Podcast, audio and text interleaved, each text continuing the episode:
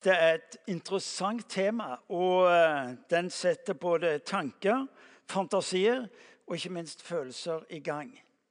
Eh, det er helt riktig vi er i en fase hvor vi fokuserer på hvordan eh, forvalter vi, hvordan bruker vi det som Gud har gitt oss å forvalte og leve med. Men i formiddag skal vi faktisk ikke snakke om givertjeneste.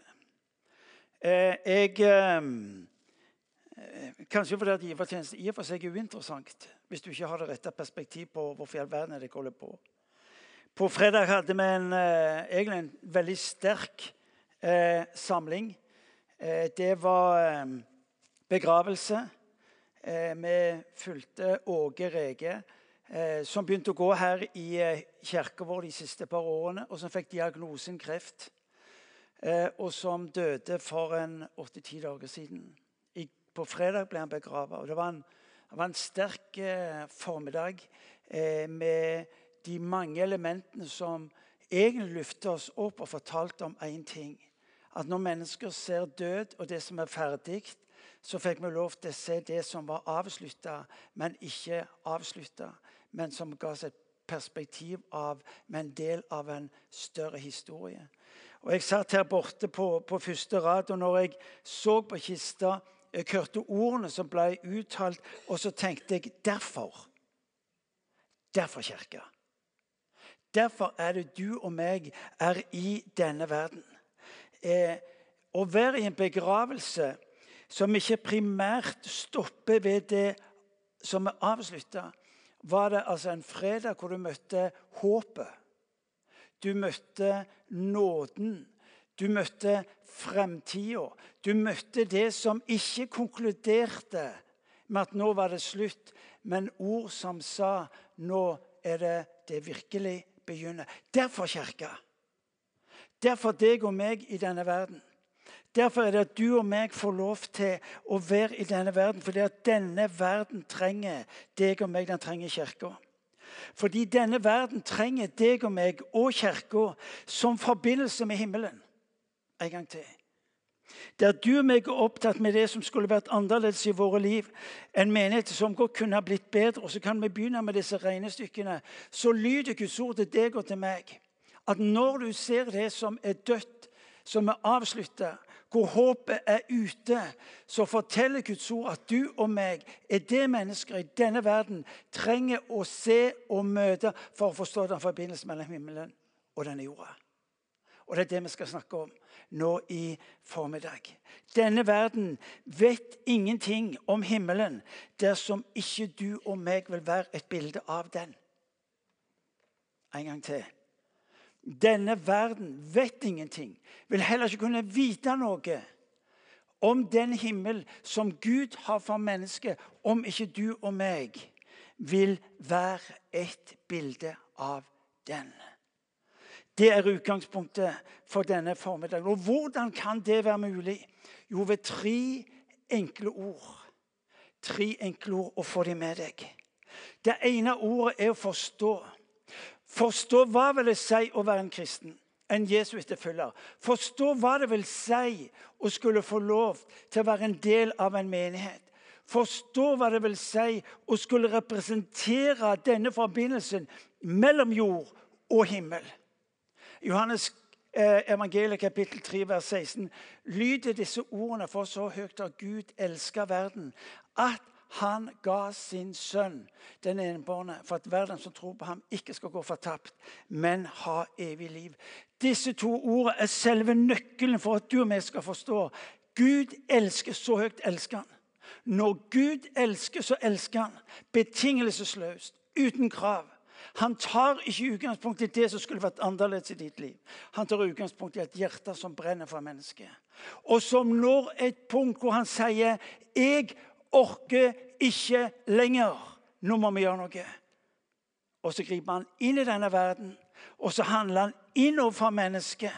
Og så rekker han mennesket. Han gir mennesket for at mennesket skal vite at håpet er ikke ute når håpet er ute. At det er ikke slutt når vi konkluderer med at nå er det slutt. Som forteller oss at det er ikke tomt når vi tenker at det er ikke mer igjen. For så høyt har Gud elsket at han gav. Når du og meg forstår at du og meg er gjenstand for en Gud som elsker, og en Gud som gir inn igjen og igjen og igjen. Det er det det innebærer å være en kristen, en Jesus-etterfølger. Det er det det innebærer å være kirka i denne verden.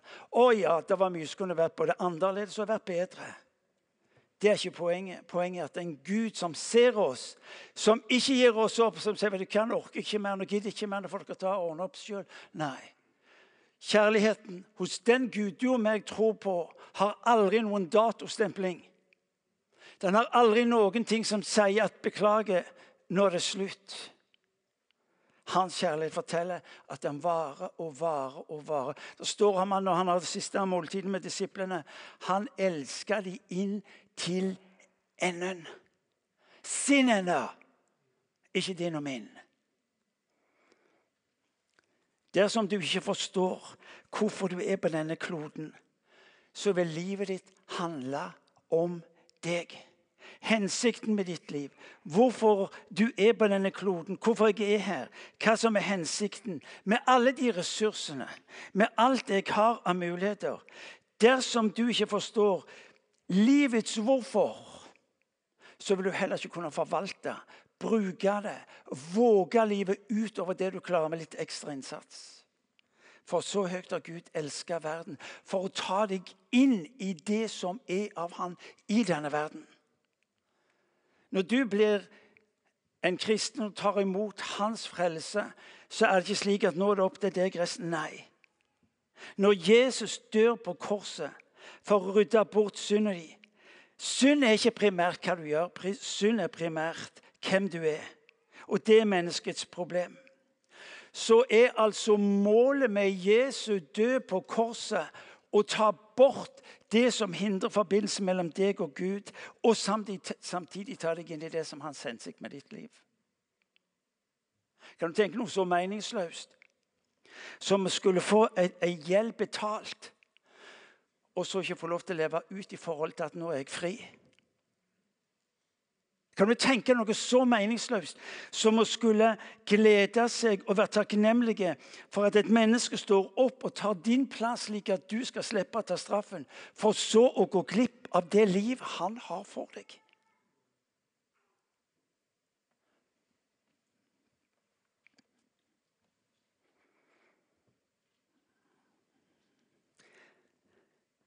Johannes 14, kapittel 4. Der leser du og meg at 'jeg er veien, sannheten og livet'. Ingen kommer til Faderen uten gjennom meg eller uten ved meg. Målet med det Jesus holder på med når han går i denne verden, dør på et kors, tar din og min synd der den hører hjemme, i det som er eh, utslukket, det som ikke lenger eksisterer, så er hans mål at du skal få lov til å komme hjem. Livets hvorfor, det er å få lov til å være med Gud. En gang til. Du lever i denne verden for å være med Gud. Du lever i denne verden for å være en del av det han gjør i denne verden. Hva er hensikten med ditt liv? Hvorfor er du her? Hvorfor har jeg det jeg har blitt gitt av ressurser og muligheter for å leve det sammen med Han som steigen nær? Og hør nå, I 1. Mosebok kapittel 1, vers 28 så sier Gud til mennesket eh, eh, Tjen denne verden. Sørg for at det blir mange. Du skal lede, du skal forvalte det som er i denne verden. Når Jesus dør på et kors, gjør opp for synd, for opprør og ø, ø, ø, det som ødelegges, så er det for å ta deg tilbake i det som er han. Og så lyder Paulus sin bekjennelse. Jeg lever ikke lenger for meg sjøl, men jeg lever for han. Sammen med han. Jeg lever ikke lenger for meg sjøl, men for han. Vet du hva? Når, når, når, Gud handler inn i denne verden, så er det for å samle sitt folk, menneskene, til det som han en gang mista, nemlig sin familie. Derfor er det så viktig at du og jeg får øye på at vi ikke er kalt til å være eh, isolerte planeter på denne kloden. Men vi er kalt til å være et folk som får lov til å ause av det Gud er, hva han har, og hva han vil gi deg og meg. Derfor blir Bibelen så viktig for deg og meg. Fordi at din forståelse av ditt liv kan du hente fra to kilder. Det er omgivelsene eller fra Guds ord. Du kan hente din egen selvforståelse ut fra omgivelsene, historien din, tradisjonen, det du har vokst opp med. Eller du kan hente det ut fra Guds ord. Jesus sier 'Jeg er veien, sannheten'. Sannheten om seg sjøl, sannheten om Gud Fader, men også sannheten om deg. Så når du og meg spør om livets hensikt for deg og meg, så vil han alltid ta, seg, ta deg og meg tilbake til seg, slik at du ser hvem han er, og hvem du er i det perspektivet. Guds ord, base for liv, men også utgangspunktet for å kunne forstå livet. Interessant med den filmen som Terje har med seg fra Korea. Noe av det Korea, ja. Kambodsja. Det var en test for som dere følger med. Eh, det, som, det som er det interessante, det er jo at igjen og igjen så ser du hvordan tryggheten deres er knytta til åndebånda. De tar imot Jesus og vil gjerne ta imot ham. Men de må ha med seg åndebånda. Når Jesus kommer inn i denne verden, og sier han for sønnen gjort, satt dere fri. Da blir dere virkelig fri. Målet med Jesus Kristus inn i ditt liv, det er å sette deg fri fra dine åndebånd. Å ja, det kryr av de. Vi kan gå i kirka, vi kan bekjenne Hans navn, men vi har åndebånda. Det som vi har satt vår lit til, det som er vår trygghet, det som vi prioriterer, det er våre åndebånd. Og det er godt mulig at det er mange iblant oss som virkelig skulle ha vært sammen med de andre i Kambodsja og, og kasta de på bålet. Fordi de tar oss ikke inn i det som Gud har for oss. Du skjønner det at det du ikke forstår, kan du heller ikke verdsette. En gang til. Det du ikke forstår, kan du heller ikke verdsette. Hvis ikke du og meg forstår sønner og døtre av Gud den allmektige, så blir livet det jeg klarer med egen innsats og med litt ekstra innsats. Det fortelles i Markus evangeliet, kapittel 6. Jesus kom til sin hjemby. Han hadde gjort dramatiske undertegn. Han hadde gjort under i Dekapolis og byene i det området. Og Så kom han til sin hjemby der han vokste opp, og så står det han kunne ikke gjøre store under, tegn og mirakler i sin egen by. Hvorfor? Fordi de forsto ikke hvem han var. Og når de ikke forsto hvem han var, og han kom for å demonstrere Guds rike, så verdsatte de ikke hvem, hvem de hadde mellom seg. Og så står det der skjedde ingenting. Så du og meg inviteres denne formiddagen til å forstå Til å forstå hvem han er. For ved det vil du kunne verdsette hvem han vil være i ditt liv, og måten han vil handle på i ditt ord. Det andre ordet du må få med deg, det er å verdsette. Det du ikke forstår, kan du heller ikke verdsette. Men det du verdsetter, det handler du på. Det jeg ikke forstår, vil jeg heller ikke verdsette. Men det jeg verdsetter, det jeg forstår og verdsetter det, det handler jeg på. Ja, det betyr Da handler jeg jo i henhold til, sammen med han som har sagt, Martin, jeg er din Gud. Jeg er din Gud. Da, Hvis ikke du og vi får lov, lov til å verdsette det han gir oss og vil være i vårt liv, så blir utgangspunktet for deg og meg det du og meg får til. Hvordan du og meg forstår og handler rett. Eh, og så vil vi beskytte oss mot alt det som truer våre muligheter til å bli det vi vil bli. La, la meg si det ultratydelig. Gud har aldri bedt deg om å ta deg sammen for å bli det du håpte du skulle bli.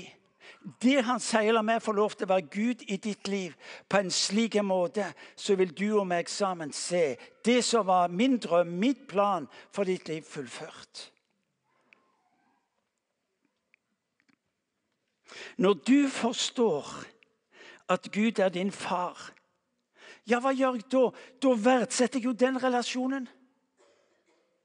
Når jeg forstår at han ønsker å være Gud i mitt liv, ja, men da verdsetter jeg den relasjonen. Når jeg forstår at han aldri gir meg opp, ja, men da er dere med meg? Altså, jeg vil leve mitt liv ut i, i forhold til hva jeg forstår.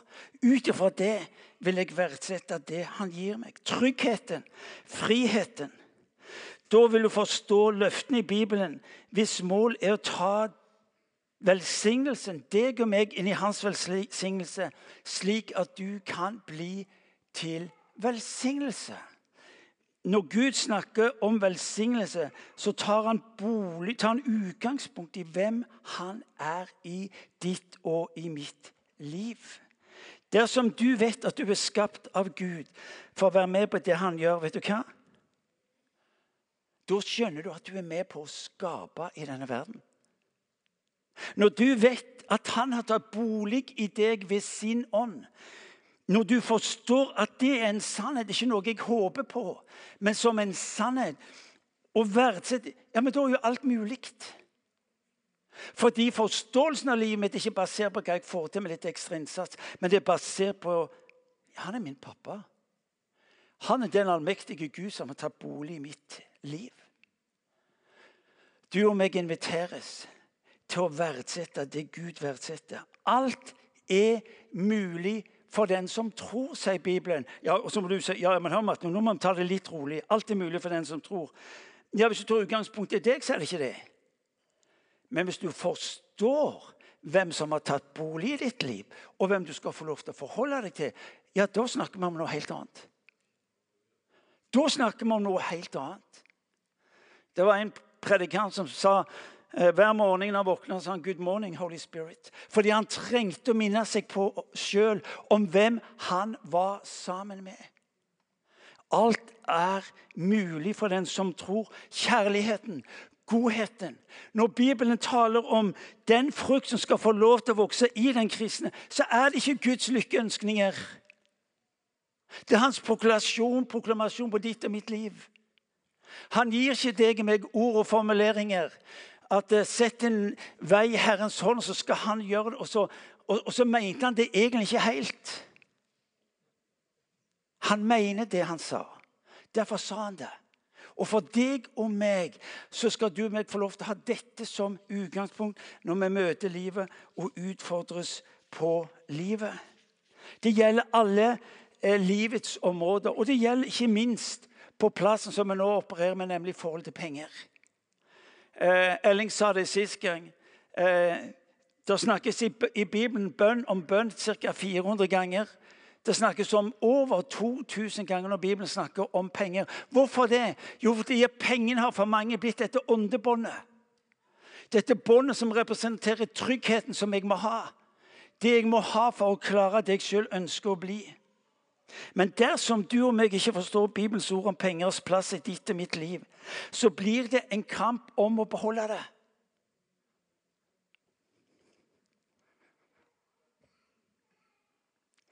Hør nå.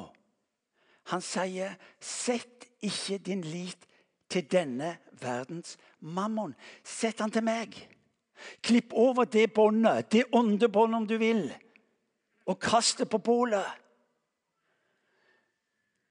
For du har pengene så lenge du har dem, og så er det slutt. Men når det er slutt på det du tror du har, da er du ved begynnelsen av det jeg har for deg. Som du tenker i ditt hjerte, slik er du. Som du forstår i ditt hjerte, slik vil du handle. Derfor er det du og meg denne formiddagen inviteres til å tenke annerledes om våre liv. Til å forstå 'Peter, forstår du det jeg sier?' Så begynner Peter å legge ut og sier, 'Peter, du har ikke skjønt noen ting'. Og så var Peter i prosessen hvor han lærte å forstå hvem han var sammen med. Til en dag å komme med bekjennelsen 'Herre, du Herre er min Gud'. Når du og meg forstår hvem han er, så vil vi begynne å dimensjonere, tilpasse livet vårt etter den sannhet. Og ikke etter et liv hvor vi gjør litt ekstra i håp om at det skal gå. Dersom du og meg ikke verdsetter hvem han er i ditt liv, kan du heller ikke forvalte, skape det han gir deg. Du og meg er ubegripelig rike og velstående. Ubegripelig. Jeg pleier å si det slik at resten av verden ville gjerne ha våre problemer.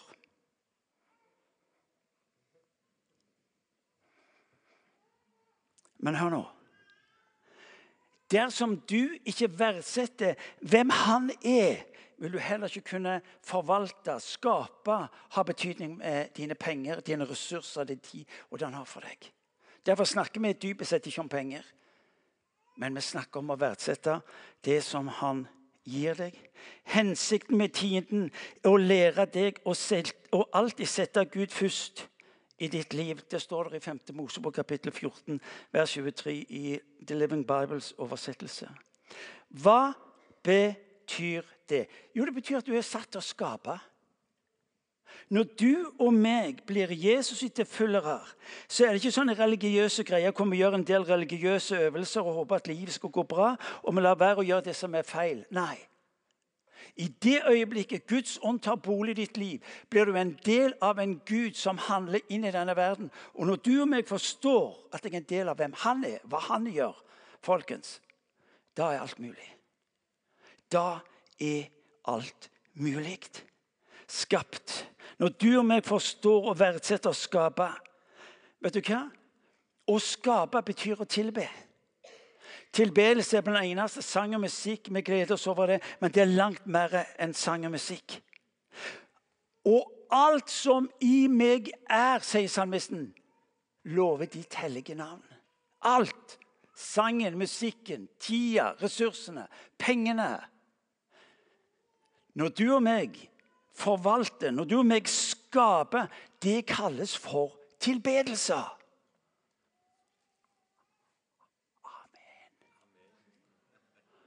Og du som sliter med stemmen og syns at du godt kunne sunget mye bedre og tenker at nei, dette med tilbedelse kan jeg ikke Og langt ifra. Langt ifra. Tilbedelsen har mange ansikter. Denne måneden fokuserer vi på penger. For det viser seg at den har størst tak på oss. Og så står det noe uhyre interessant i Malakias i Det gamle testamentet. La oss, la oss få med det. Jeg leste det for tre uker siden og, og leser det igjen fordi det, det, er en så viktig del. Eh, Gud er litt provosert. Det er egentlig det han er. Satt på spissen. Eh,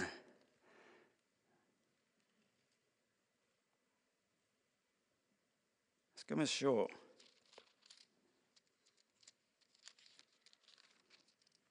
Malakias, kapittel 3, vers 10. Malakias, siste bok i Gamletestamentet, vers, kapittel 3, vers 10. Det interessante er Gud er litt provosert. Nei, det, det er mildt sagt. Han er F. Og han er ganske røff med folket sitt. Og så kan du si å Gud, er du sur nå fordi at ikke vi har gitt deg pengene fordi du ser at pengene skal komme til mitt hus? Nei, Når Gud blir provosert, så er det ikke primært fordi at du fornærmer han men fordi du reduserer hans mulighet til å kunne velsigne deg. Og det er det du leser nå. Han sier, 'Bær det inn i mitt hus, mitt gudshus, mitt forrådshus', er det han sier. Og hør nå, så sier han, 'Kom med hele tiden til forrådskammeret, så det finnes mat i mitt hus'. Hva betyr det? Det betyr at du og meg skal ha det vi trenger for å kunne bety en forskjell i denne verden. Det betyr at du og meg har det vi trenger for at denne verden skal erfare at Gud er god. Så sier han, 'Kom og bær det inn i mitt hus.' Og så sier han, 'Prøv meg på denne måten', sier Herren over herskerne. 'Jeg skal sannelig åpne himmelens sluser og øse utover dere velsignelsen uten mål.' Når du og meg forstår hvem han er, Hvorfor han sier det han sier, vet du hva? Da lyder det, og vi handler på det, da lyder det over ditt og mitt liv. Og jeg skal velte min velsignelse over ditt liv. Han tar deg og meg inn i sin måte å tenke på. Det er et sted for å strekkes, det er et sted for å skape. Det er et sted hvor du og jeg skal få lov til å være med på det som Gud gjør. Tre enkle konsekvenser. Når du og meg er med på Guds måte å skape på, først så blir Guds rike synlig. Så blir Guds rike synlig. Denne verden lengter etter å erfare et Guds rike som er synlig. Som er tilgjengelig, og som er erfarbart. Hvorfor i all verden skulle denne verden tro på Jesus Kristus? Jeg sa det i mange år. Ja, Du må ikke se på meg, du må se på Jesus. Så var det en som sa ja, hvor er han henne da?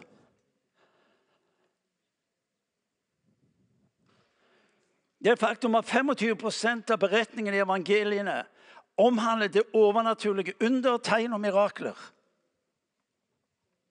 Det er et faktum at et svært lite antall mennesker ville bevege seg til der Jesus var. Om ikke omgivelsene fikk se Guds rike realisert, var tilgjengelig og var erfarbart. Når Nikodemus kommer til Jesus i, i uh, Johannes evangeliet kapittel 3, så sier han til Jesus du er en stor lærer og ingen kan gjøre de gjerninger, undergjerninger som du gjør uten at Gud er med han. Denne verden må gjerne tro at vi er flinke lærere. Men det mangler en dimensjon som denne verden må få, fordi at du og meg kan gi dem dette møtet. Ja, så sier du men jeg har så lite. Og så, ja, ja, det er mulig du har lite. Første kongebok, andre kongebok, kapittel fire, så leser du om enka i Serepta. Profeten er Mohammed. Og Han kom og treffer ei jenke og så sier han, jeg trenger noe mat. Kan du hjelpe meg? Og enka sier jeg har ingenting. Jeg skal dø nå, for det, det, er slutt. Jeg har ikke mer å gå på. Og så sier eh, profeten, ja, men gi meg det du har. Ja, men jeg holder jo på å dø, sier dama. Ja, men hør nå, sier han. Gi meg det du har. Hva, hva, hva er det profeten gjør? Han forstår hvem han har med å gjøre. Han forstår at han er en del av det Gud holder på med. Og så sier han, og så sier han, 'Gi det til meg'. Og så sier denne dama, 'Ja, men jeg har ingenting.' som 'Hva har du i huset ditt?' Og så sier denne enka, hun sier, eh, 'Jeg har eh, bare ei krukke med olje, men hva er det?'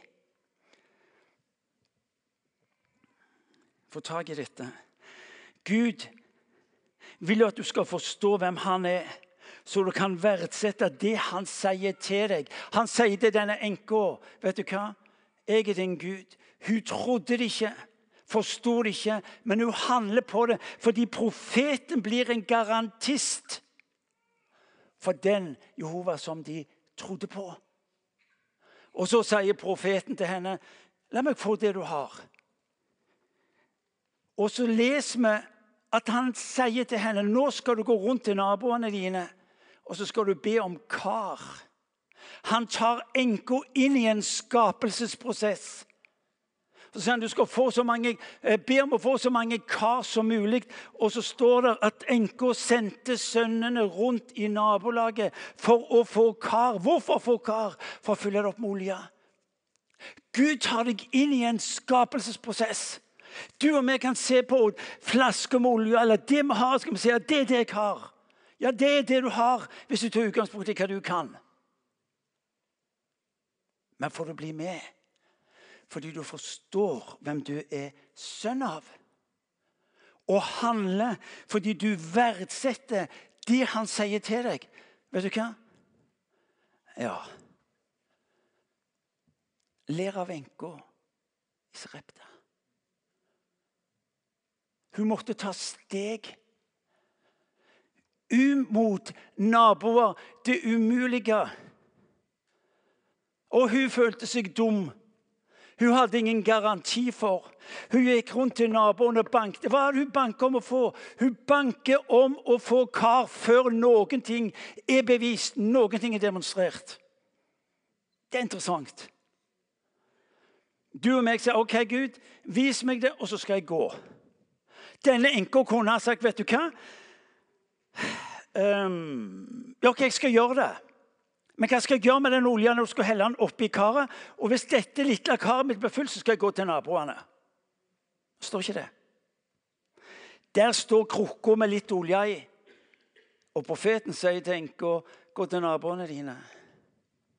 Så samler vi inn kar. Kan jeg få kar? Ja, hva skal du med det? Nei, Egentlig vet jeg ikke helt, men jeg skal fylle de opp. Ja, hva da med? Olje? Ja, har du så mye olje? Nei, jeg har ikke det. Det skulle vært interessant å høre den samtalen mellom enka og naboene som hun gikk rundt til. Og så kjenner dere beretningen. Etter hvert som energisk få tak i dette. Etter hvert som Karo kom inn, og uhellet så er det noe som skjer. I det øyeblikket enka begynner å helle, fylles karene opp. Hør nå, Når Gud snakker om å velsigne ditt og mitt liv, når han inviterer deg og meg til å skape, så tar han ikke utgangspunktet i det du ser, men hva han vil gjøre. Han tar ikke utgangspunkt i hva du har, men hva det kan bli til. Denne enka kunne sagt hør nå, dette er kvalifisert idioti, jeg gidder ikke.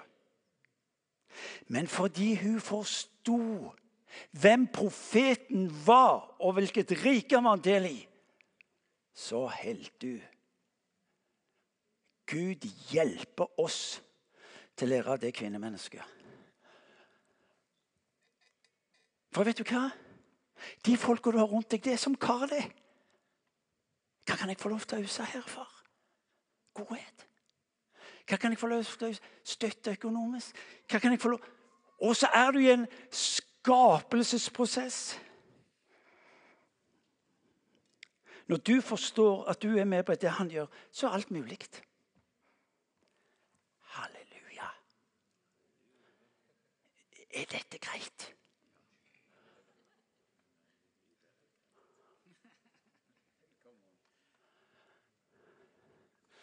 Tida går, men dere må få med dere Johannes evangeliet kapittel 6. Beretningen om eh, brødunderet. Hva? Dere husker den beretningen? Jesus ser 5000 mennesker og så en hel haug med, med, damer og unger. Og Så ser han på dem, og så sier han gi dem å spise. Og Der kommer Philip. Philip eh, har greia på å være nøkterne, realist. Og han har altså klare budsjettrammer for hvordan han skal opptre i livet. Så han sier 200 denarer. Hva er det til så mange? Han tar utgangspunkt i hva han har. Han tar utgangspunkt i hva han må regne med. Han tar utgangspunkt i hva tradisjon og historie tilsier. Sånn må vi gjøre. Men der er det en Andreas. Det aner meg at han kjente tankegangen til Jesus. For han kommer hører du jeg vet ikke hvor lang tid det går, men i hvert fall sier han du, Jesus, det er en her med noe brød og noe fisk. Fordi han forsto hvem han hadde med å gjøre. Kom an! Hvorfor i all verden kom han med noe fisk og brød? 5000 mennesker, unger og kvinner. Den fornuftige Philip hadde sagt beklager budsjettet, har ikke rom for dette. Og så kom en Andreas. Hva er det med Andreas som er forskjellen på han og Philip? Han forstår hvem han har med å gjøre. Han forstår hvem Jesus er. Noe brød og noe fisk. Så står det at det var syv korger til overs. Jeg liker den der. Gud opererer ikke med minimumsopplegg. Det, det passer ikke inn i lynnet hans, hvis du skulle være litt usikker. Ja, dere, dere kommer sikkert til å få høre om Johannes litt senere. Guds rike blir synlig fordi du forstår hvem han er. Du verdsetter hva han gjør. Men det er også tilgjengelig. Ganske enkelt fordi du er der. Hvorfor skal folk drive på og lete etter skrifter på veggen eller et eller annet der borte spektakulært? Du er der jo. Guds rike er tilgjengelig ved deg. Slutt å se deg omkring. Du skal slippe å rekke opp hånden. Men hvis du er en Jesus-etterfølger, da skal du slippe å se deg omkring, for han er der. I deg. Guds rike er tilgjengelig. Er deg. Når du og meg skal få lov til å skape, så er det tilgjengelig ved deg. Det er tilgjengelig fordi du er der med alt han har gitt deg. Tilbake igjen. Hva er det jeg tror? Jeg tror at Guds ånd har tatt bolig. Jeg forstår at Guds ånd har tatt bolig i mitt liv. Jeg verdsetter dette og forholder meg til det som en sannhet. Ja, men Da kan jeg altså få lov til å vite at hvor jeg er, der er Han. Halleluja. Husker du Kristin? Der sitter du. Hva er det Kristin gjør for noe? Hun er lærer på en skole. 24 elever. 25. Ja, Men hva er det hun gjør for noe, da? Starte skoleåret. Hun forstår at der jeg er, der er Guds ånd til stede. Så hun går fra pult til pult, og så ber hun for elevene om at det skal bli et skoleår som har betydning for livene deres. Hun går inn på lærerkollegiet, det gjorde hun ikke det lærerrommet, og så ber hun for sine kollegaer. Hun forstår. Noen av ville kanskje sagt hør nå, hun er litt sånn hemma. Litt sånn overspent. Hva gjør du for noe her, Kristin? Nei, jeg ber for han Andreas, og jeg ber for Kari. og ja, men de er der jo ikke. Hun verdsetter det hun forstår av at en Gud har lovt jeg skal være hos deg, jeg skal handle med deg. Jeg skal la dine elever og kollegaer dette året oppleve at jeg er god ved ditt liv. Når du skaper, blir rike tilgjengelig. Der du er, hverdagslivet. Derfor huskirker ute i områdene. Derfor bussen lys i mørket. Fantastisk. Og det siste erfare. En tro som ikke erfares, er en død tro. Punktum. En død som ikke erfares, er en død tro. Det er ikke slik at når Guds rike flytter inn i ditt liv, så er det umerkelig.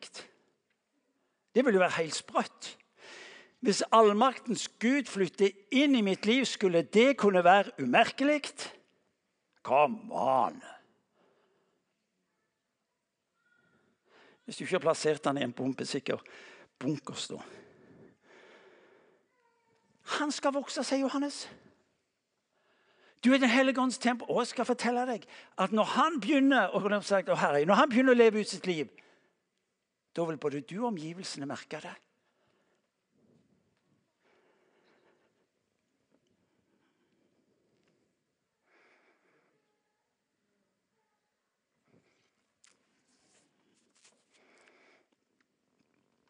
Frode som sier jeg, jeg kan ikke sitte her, jeg, jeg må ut. Fortalte det på tirsdag. og så går han ut fra kirka og så ute på gata der treffer han et menneske. Så går han rett bort til dette mennesket og sier han, du, jeg, eh, jeg tror på Jesus. Jeg er du syk? Kan jeg få lov til å be for deg? Og Så ber han for dette mennesket, og så, og så ber han for noen flere, og så blir hun Jeg kjenner ingenting. Ryggsmerter, slitt med det i lang tid. Og så mens hun står der, så peker hun ned. Du, der nede kommer venninna mi. Du må, du må be for hun òg. Det er erfarbart. Det er tilgjengelig. Fordi at Frode forstår hvem Gud er i hans liv. Og så handler han på det. Når Geir med teamet sitt er i London med konfirmantene våre, så er det fordi at de skal gjøre en erfaring av den Gud som de tror på. Ikke en teoretisk størrelse, men de lærer å verdsette at han er mellom de, og de skal få lov til å være med på det som han gjør. Når vi hører Kambodsja, Hvorfor er Imi-kirka så opptatt med å ut med evangeliet? Jo, fordi vi kan ikke la være, når vi vet hvem han er, å bringe videre for å skape nytt liv, nye muligheter i mennesker sitt liv. Hvorfor IMI? Jo, fordi at vi vil hjelpe mennesker til å erfare at Gud er god. Stor menighet var det en som sa til meg. Dere må jo ha mye penger. Nei, jeg skal si deg det. Store menigheter har mindre penger enn de fleste. Fordi vi vil framover. Vi pusher grensene hele veien. Vi er omtrentlig som Andreas og guttungen med noen brødbeder. Mye folk. Imi kirke har kanskje mindre penger enn de fleste. Men det er fordi vi ønsker og vil så mye at mennesker må ikke gå glipp av hvem Gud er. Og vi søker å verdsette det han gir oss som muligheter i vår tjeneste her, men også i ditt og mitt liv i hverdagen.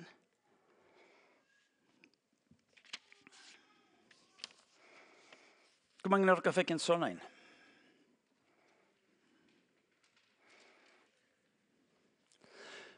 Der står det giver. Egentlig er tiden, snakk om tiende helt tullete. For Bibelen sier at alt hører Herren til. Hvis du ikke visste det. Egentlig er snakk om tiende helt tullete. For alt hører Det er Davids bekjenner. Alt hører deg til. sånn. Vi gjør ikke noe annet enn å gi tilbake det som er ditt. Hør nå. Jesus sier i Matteus evangeliet kapittel 6.: Søk først Guds rike og hans rettferdighet, så skal du få alt andre i tillegg. Søk først Guds rike med alt det du har. Tida di, pengene dine, ressursene dine. Søk først Han med alt du har. Så får du det andre i tillegg. Vet du hva? Dette er Jesu ord. Dette er ingen spenstig predikant i Fremmedkirka som sier. Men han sier, 'Søk meg med det du har' så skal du få det andre til. Det er Jesus som sier det. Og Vi skal ikke beskylde ham for å overdrive eller bløffe. Når hjertet ditt kommer på rette plassen, så vil du se, for du vil se med hjertet hvorfor du er her på denne kloden. Vil du velsignes? Ja, ingen av dere ville si nei. Vil du velsignes? Ja, da sier han at du da må du skjønne at dette er min måte å velsigne deg på. Når du søker meg med din tid, dine ressurser, dine penger, så er det min mulighet til å velsigne deg.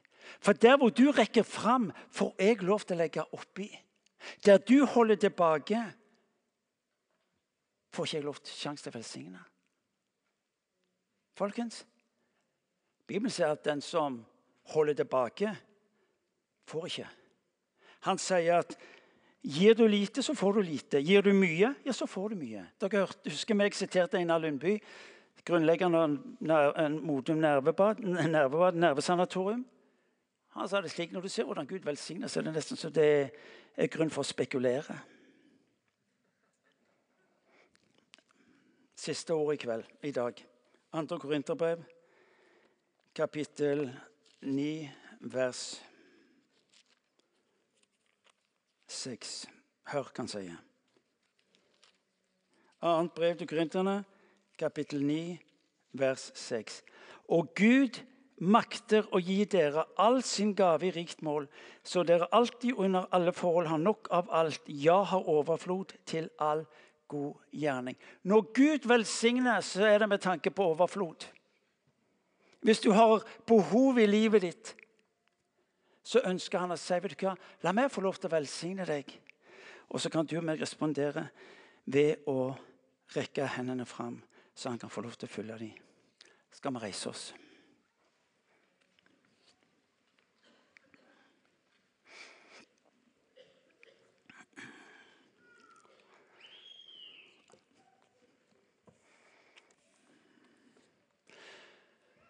Du hørte meg si Fokuset denne måneden er ikke primært penger.